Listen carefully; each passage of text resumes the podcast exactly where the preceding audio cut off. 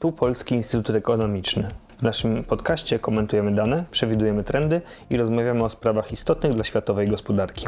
W dzisiejszym odcinku porozmawiam z Markiem Wąsińskim, kierownikiem zespołu handlu zagranicznego, o problemach w handlu międzynarodowym właśnie, związanych z trwającym obecnie kryzysem podażowym, czyli o czymś, czego doświadcza duża rzesza konsumentów w związku ze wzrostem cen i wydłużonym czasem dostaw. Nazywam się Jan Strzelecki i zapraszam do słuchania.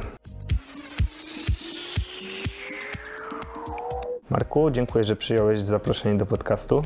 Dziękuję za zaproszenie.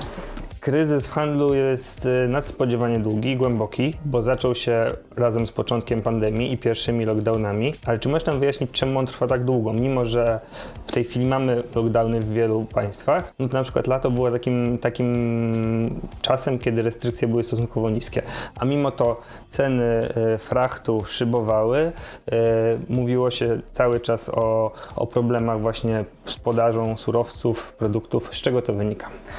To zacznijmy od y, początku tego, że w zasadzie natura tego kryzysu, jeśli chodzi o e, handel e, międzynarodowy, się zmieniła. Na początku mieliśmy do czynienia z kryzysem zarówno popytowym, jak i podażowym, ponieważ lockdowny, e, wstrzymanie działalności gospodarek zarówno zahamowało podaż i wytwórczość produktów, jak i e, popyt, ponieważ ludzie nie wiedząc co ich czeka w okresie kryzysu, tak de facto też wstrzymali zakupy produktów, a ze względu na lockdown wstrzymano też usługi, więc to zahamowanie działalności gospodarki oczywiście wywołało też załamanie wymiany międzynarodowej.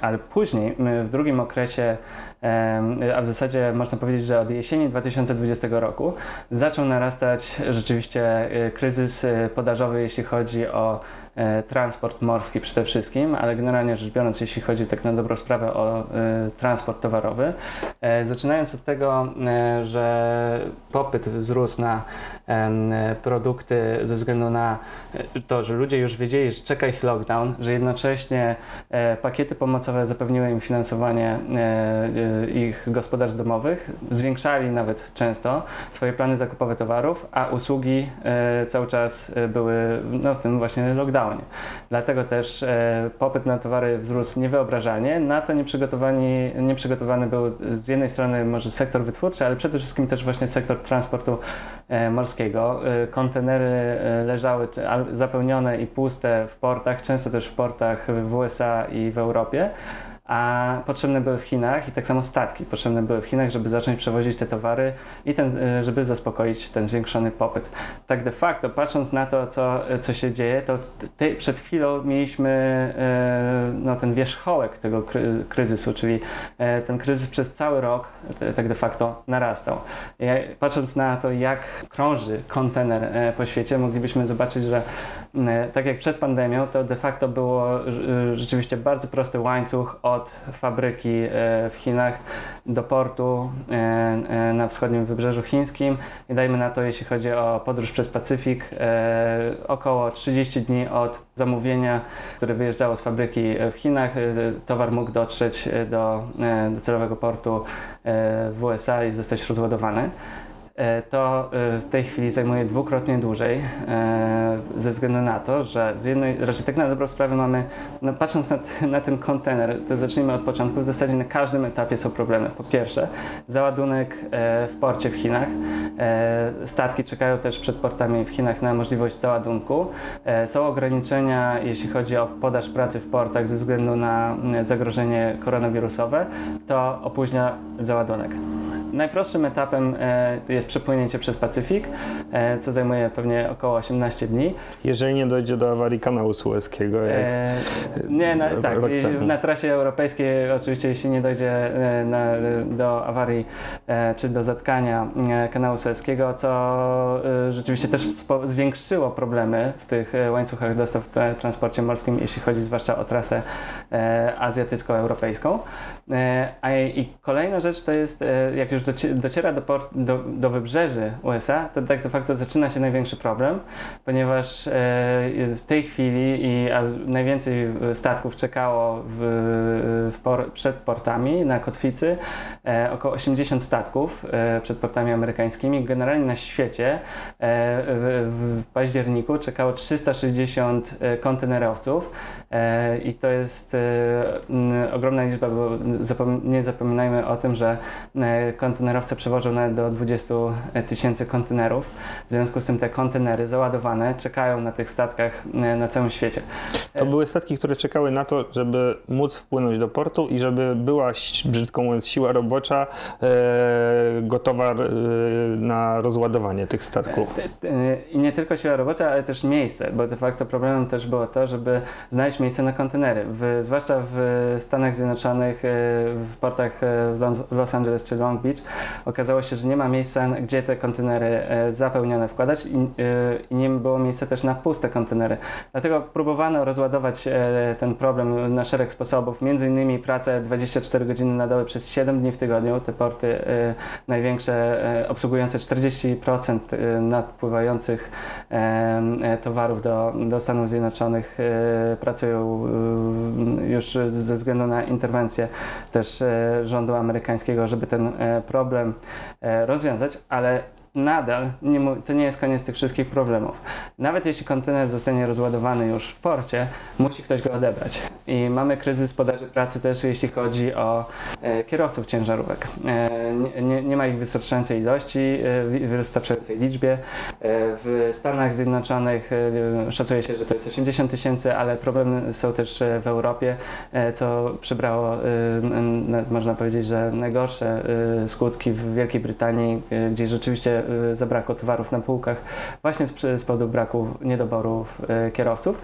No i dalej, tak na dobrą sprawę, to też jeszcze nie jest koniec, bo brakuje przyczep, które mogłyby zabierać te kontenery, ale też miejsca w magazynach, więc mamy e, e, tak do czynienia z kilkoma niedoborami, dlatego też e, mówienie o tym kryzysie podażowym warto, żeby powiedzieć, że też ważnym elementem tego kryzysu podażowego jest podaż pracy, ponieważ pracownicy transportowi bardzo narażeni na przenoszenie się koronawirusa mają też często problemy z dostępem do szczepionek, jeśli nie są z krajów e, wysoko rozwiniętych, więc też e, na, napotykają na problemy i opóźnienia e, w, swojej w świadczeniu swojej pracy, więc e, tak na dobrą sprawę mamy do czynienia tutaj z bardzo szerokim kryzysem, który warto powiedzieć, że rzeczywiście to, te, ten wierzchołek tego kryzysu mieliśmy, widzieliśmy, zwłaszcza jeśli chodzi o Stany Zjednoczone przed chwilą. W, w, wrześniu i w październiku ceny frachtu do Stanów Zjednoczonych osiągnę- osiągnęły apogeum. W, jeśli chodzi o ceny frachtu do Europy, e, również to było e, teraz, e, można powiedzieć, te ceny nadal są bardzo wysokie. Ale jest Ale- jakaś nadzieja na ustabilizowanie się tych, tych cen i w ogóle mm, czy jest tak, że oprócz cen są jeszcze jakby też inne wymiary, na przykład czas, czas dostaw. Też wskazuje się na to, że ten czas nieco zmalał w tej chwili. Czy jest tak, że to jest tylko jakiś taki chwilowy przestój związany z jakimiś czynnikami sezonowymi, czy faktycznie można mówić o tym, że, że powoli schodzimy z tej górki e, cenowej i górki problemów? Mm, Tu jeszcze mm, za wcześnie, żeby to może te, y, stwierdzić tak jednoznacznie. E, Widzimy na pewno szanse na to y, i to czynniki sezonowe w tym pomagają. To znaczy była ta górka teraz tej jesieni, była związana ze zwiększonymi zamówieniami nie tylko ze względu na e, ten przestój gospodarczy i nie, nie, nie, brak ożywienia, jeśli chodzi o usługi, ale także jeśli chodzi o e, nadchodzący okres świąteczny, e, który jest zwiększonym, okresem zwiększonego popytu na właśnie towary i ze względu na zakupy prezentów przede wszystkim. I jest nadzieja, że jesteśmy już właśnie po tym e, okresie zwiększonego popytu. Przed nami jeszcze jest chiński Nowy Rok e, i tak na dobrą sprawę tu widzimy e, e, drugą też szansę tak de facto, że po chińskim Nowym Roku, kiedy jest ten przestój, jeśli chodzi o działalność, spowolnienie, jeśli chodzi o działalność fabryk e, w Chinach, e, to tam też może ta podaż e, dać czas, spowolniona podaż może dać czas, e, e, jeśli chodzi o porty, na nadrobienie pewnych zaległości i e, zmniejszenie. relokację tych kontenerów, które gdzieś tam się Tak. zalegają, nie w tych miejscach, gdzie są najbardziej potrzebne. Dokładnie tak, więc jest, jest nadzieja na to, że, że to wywoła e, pozytywny efekt postaci e, odblokowania części portów. No, z tym, że oczywiście Mm, to jest nadzieja y, raczej z perspektywą całego roku na to, że, żeby to się uspokoiło, ale tak de facto mówimy jednak y, w najgorszym scenariuszu możemy mówić o tym, że dopiero wtedy, kiedy zwiększony zostanie e, popyt usługowy, zmniejszony popyt transportowy, y, tak de facto e, ta sytuacja będzie mogła się e, uspokoić. A tu nadzieje są raczej, muszą być oddalone, dlatego że póki co niestety końca pandemii nie widać. Tak, więc ta y, czwarta fala pandemii y, rzeczywiście powoduje to, że nie widzimy wciąż ożywienia, wciąż konsumenci się boją tak de facto, powstrzymują się od, od zwiększonej konsumpcji usług, więc tak, tak de facto też ewentualnie potrzebne jest, jest znaczące zwiększenie mocy produkcyjnych, a to nie może nastąpić z dnia na dzień. Marku, jak wiesz, w zespole handlu zagranicznego w PIE robimy co roku ankietę polskich eksporterów. Przeglądałem sobie przed naszą rozmową wyniki tegorocznej ankiety eksporterów i zdziwiło mnie to, że w grupie właśnie polskich firm eksportujących aż 48% mówi, że miało mm, problemy z zakłóceniem produkcji i transportu u poddostawców. To może nie jest tak bardzo zaskakujące, ale aż 30, około 30%, 1 trzecia skarżyła się na to, że dotknęła ich, dotknęły ich problemy y, w transporcie morskim. Czy podczas gdy większość naszego handlu e, zagranicznego jest skierowana do państw Unii Europejskiej i odbywa się drogą lądową. Czy masz jakąś interpretację tych wyników? E, zdecydowanie chodzi o to, że transport morski jest najważniejszy, jeśli chodzi o e, transport towarów na świecie.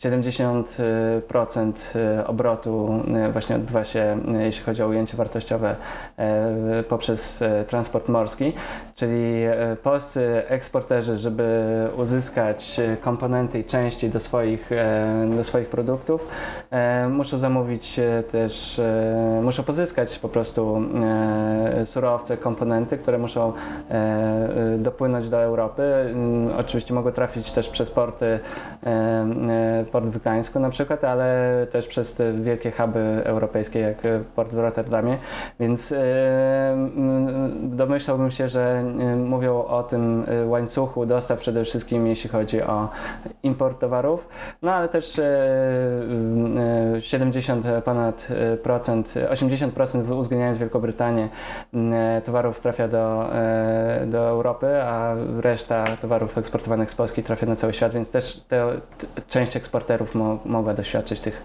problemów w transporcie morskim. Poza mm, problemami związanymi tylko właśnie z brakiem e, kontenerów czy e, cenami frachtu. Dużo mówi się o problemach na rynku półprzewodników. To jest taki powiedzmy drugi najważniejszy obecnie temat w handlu międzynarodowym. Mówi się o tych półprzewodnikach, e, że mimo to, że trwają też problemy z surowcami energetycznymi, z ich szybującymi cenami, mówi się, że półprzewodniki to jest taka nowa ropa. Coś, o czym toczy się właśnie wielkie dyskusje, co swoje think tanki analizują, miejsca ich produkcji, e, przeznaczenia, e, potencjalne ryzyka z nimi związane. E, co sprawia, że akurat te produkty stały, są tak krytyczne, stały się tak ważne dla, także dla innych sektorów?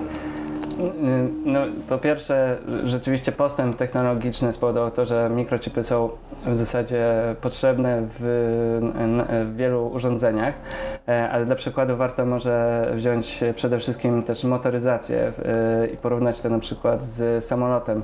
Jeśli chodzi o e, te linijki kodu, które są potrzebne, żeby wyprodukować Boeinga Dreamlinera, to jest około 6,5 miliona linijek kodu do software'u, a jeśli chodzi o samochód, to, y, to, chodzi o 15 razy więcej e, linijek kodu, ponieważ to jest tak urządzenie skomplikowane, wymaga tak wielu różnych też czujników, które są teraz wprowadzane do samochodów, możliwości ich obsługi, właśnie można powiedzieć, że ten samochód jest mm, odtwarzam nasz, różne elementy naszego życia i potrzebne jest zarządzanie całym tym procesem.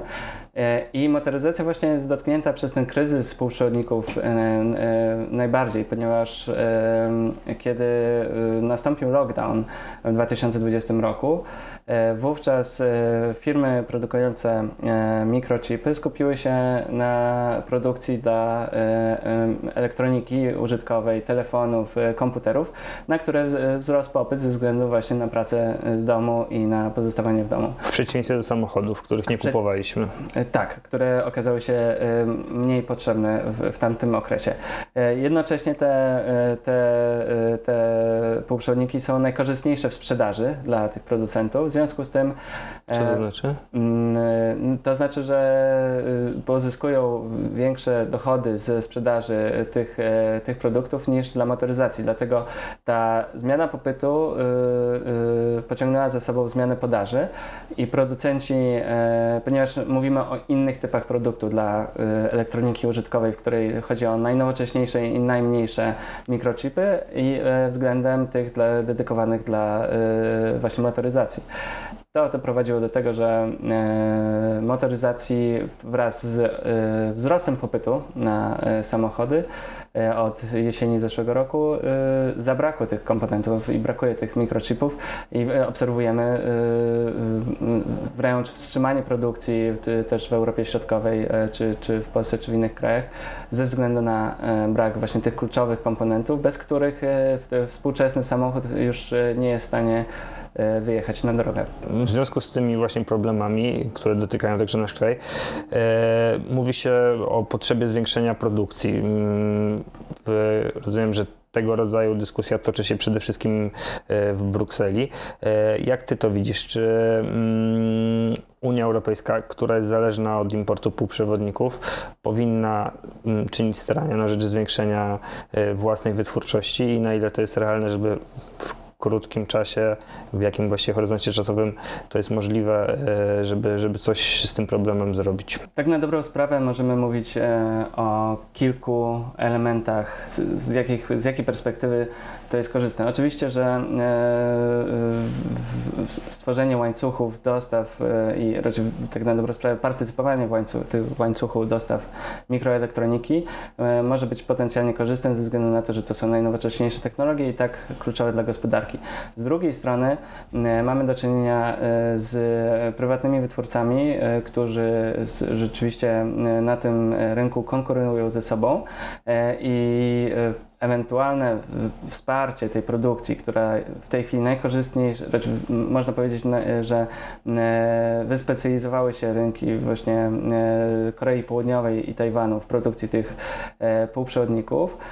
Konkurencja byłaby zaburzona poprzez takie przekierowanie produkcji do wewnątrz Unii Europejskiej czy do Stanów Zjednoczonych. Też w tej chwili Unia Europejska, jeśli chodzi o produkcję mikrochipów, jest, można powiedzieć, dobrze umiejscowiona, jeśli chodzi o produkcję tych mikrochipów dla samochodów, czyli większych, e, które nie są tymi najnowocześniejszymi. Żeby zwiększyć możliwości produkcji najnowocześniejszych, potrzebne są duże, nowe inwestycje.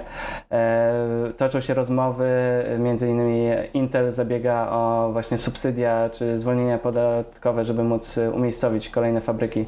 Ma jedną fabrykę w Irlandii, e, kolejne fabryki. Też Komisja Europejska rozmawia z europejskimi producentami producentami różnych e, elementów, czy też e, właśnie urządzeń do produkcji mikrochipów, czy też e, z innymi firmami, żeby stworzyć taki europejski klaster, ale co z jednej strony wydaje się korzystne, żeby y, uniezależnić i żeby stworzyć takiego europejskiego czempiona, jest też oczywiście z drugiej strony y, potencjalnym zagrożeniem y, ze względu na możliwość nadprodukcji w kolejnych latach, tak na dobrą sprawę poprzedników, bo te inwestycje mają miejsce wszędzie.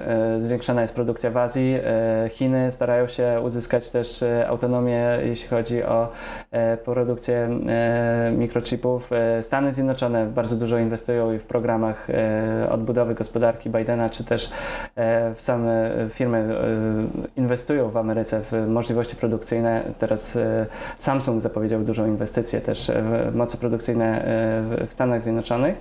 Tak więc mamy do czynienia z sytuacją, w której plany Unii Europejskiej zajęcia około 20% światowych łańcuchów, jeśli chodzi o dostawy mikrochipów. Tych rynków może nie być, ponieważ e, ta podaż będzie tak duża, więc e, tak de facto możemy e, mówić o też nie tylko korzyściach z tego typu inwestycji i sprowadzaniu produkcji mikroelektroniki do Europy, ale także zagrożeniach z przeinwestowania w ten segment.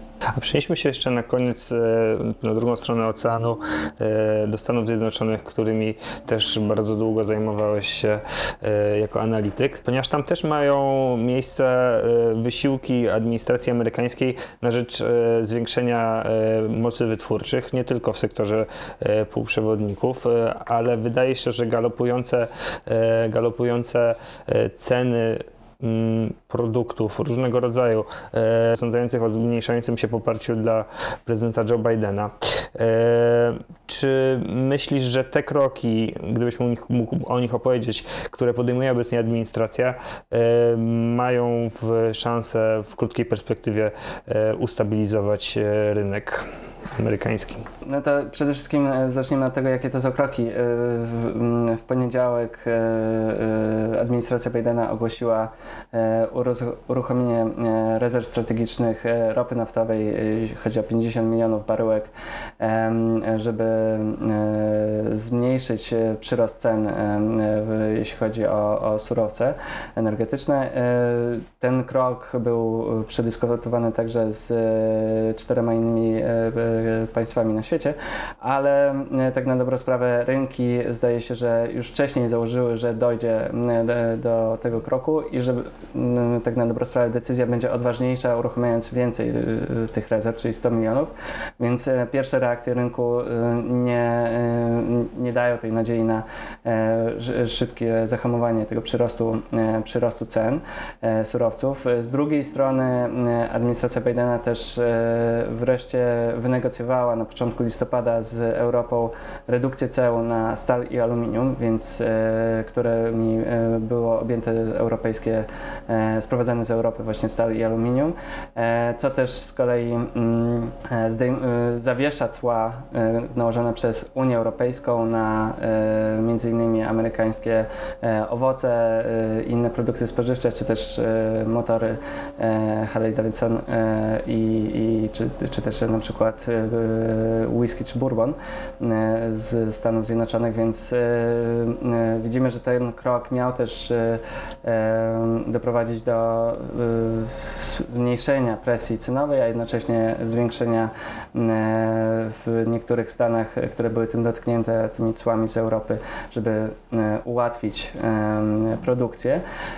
Ale to jest tylko część. W listopadzie prezydent Biden podpisał E, ustawę o inwestycjach infrastrukturalnych sięgające 1 e, biliona dolarów. E, też szykuje się kolejny pakiet w piątek przez Izbę Reprezentantów przeszła ustawa o no prawie że dwóch bilionach dolarów pomocy dla, dla Amerykanów, między innymi jeśli chodzi o służbę zdrowia, jeśli chodzi o urlopy rodzicielskie czy też e, kwestie wykształcenia, ale tam, co jest ciekawe, e, zachowane są też e, kwestie inwestycji w, w przemysł wytwórczy właśnie sprowadzanie produkcji do Stanów Zjednoczonych 350 miliardów dolarów ma wspomóc tworzenie zatrudnienia w tego typu miejscach, co też ma właśnie pomóc tak na dobrą sprawę Amerykanom i co z perspektywy tej, tego handlu zagranicznego jest bardzo ciekawe, no bo tak de facto widzimy ten odwrót od wolne, wolnego handlu już w pełni i skupienie się nawet e, teraz obecnej administracji Bidena niekoniecznie na cłach i na wojnie celnej, a na jak największym e, ożywieniu produkcji przemysłowej e, w Stanach Zjednoczonych i pobudzeniu siły roboczej w, w przemyśle, w też inwestycjach w nieruchomości czy właśnie infrastrukturalnych. Więc widzimy, że jest przekierowanie nacisku na to, co wydaje się rzeczywiście e, zdaje się, że nawet korzystniejsze, e, czy też może być skuteczniejsze potencjalnie w przyszłości. Tylko musi też, e, jeśli chodzi o tę e, drugą ustawę, e, musi jeszcze przejść przez Senat, co, więc długie negocjacje z republikanami dopiero przed nami, zanim to, to rzeczywiście zostanie, zostanie uchwalone. Ale wydaje mi się, że o tym warto będzie jeszcze rzeczywiście rozmawiać, co, jakie to będzie nieść ze sobą konsekwencje dla handlu światowego. Bardzo dziękuję. W dzisiejszym podcaście PIE wystąpił Marek Wąsiński, kierownik Zespołu Handlu Zagranicznego w Polskim Instytucie Ekonomicznym bardzo dziękuję.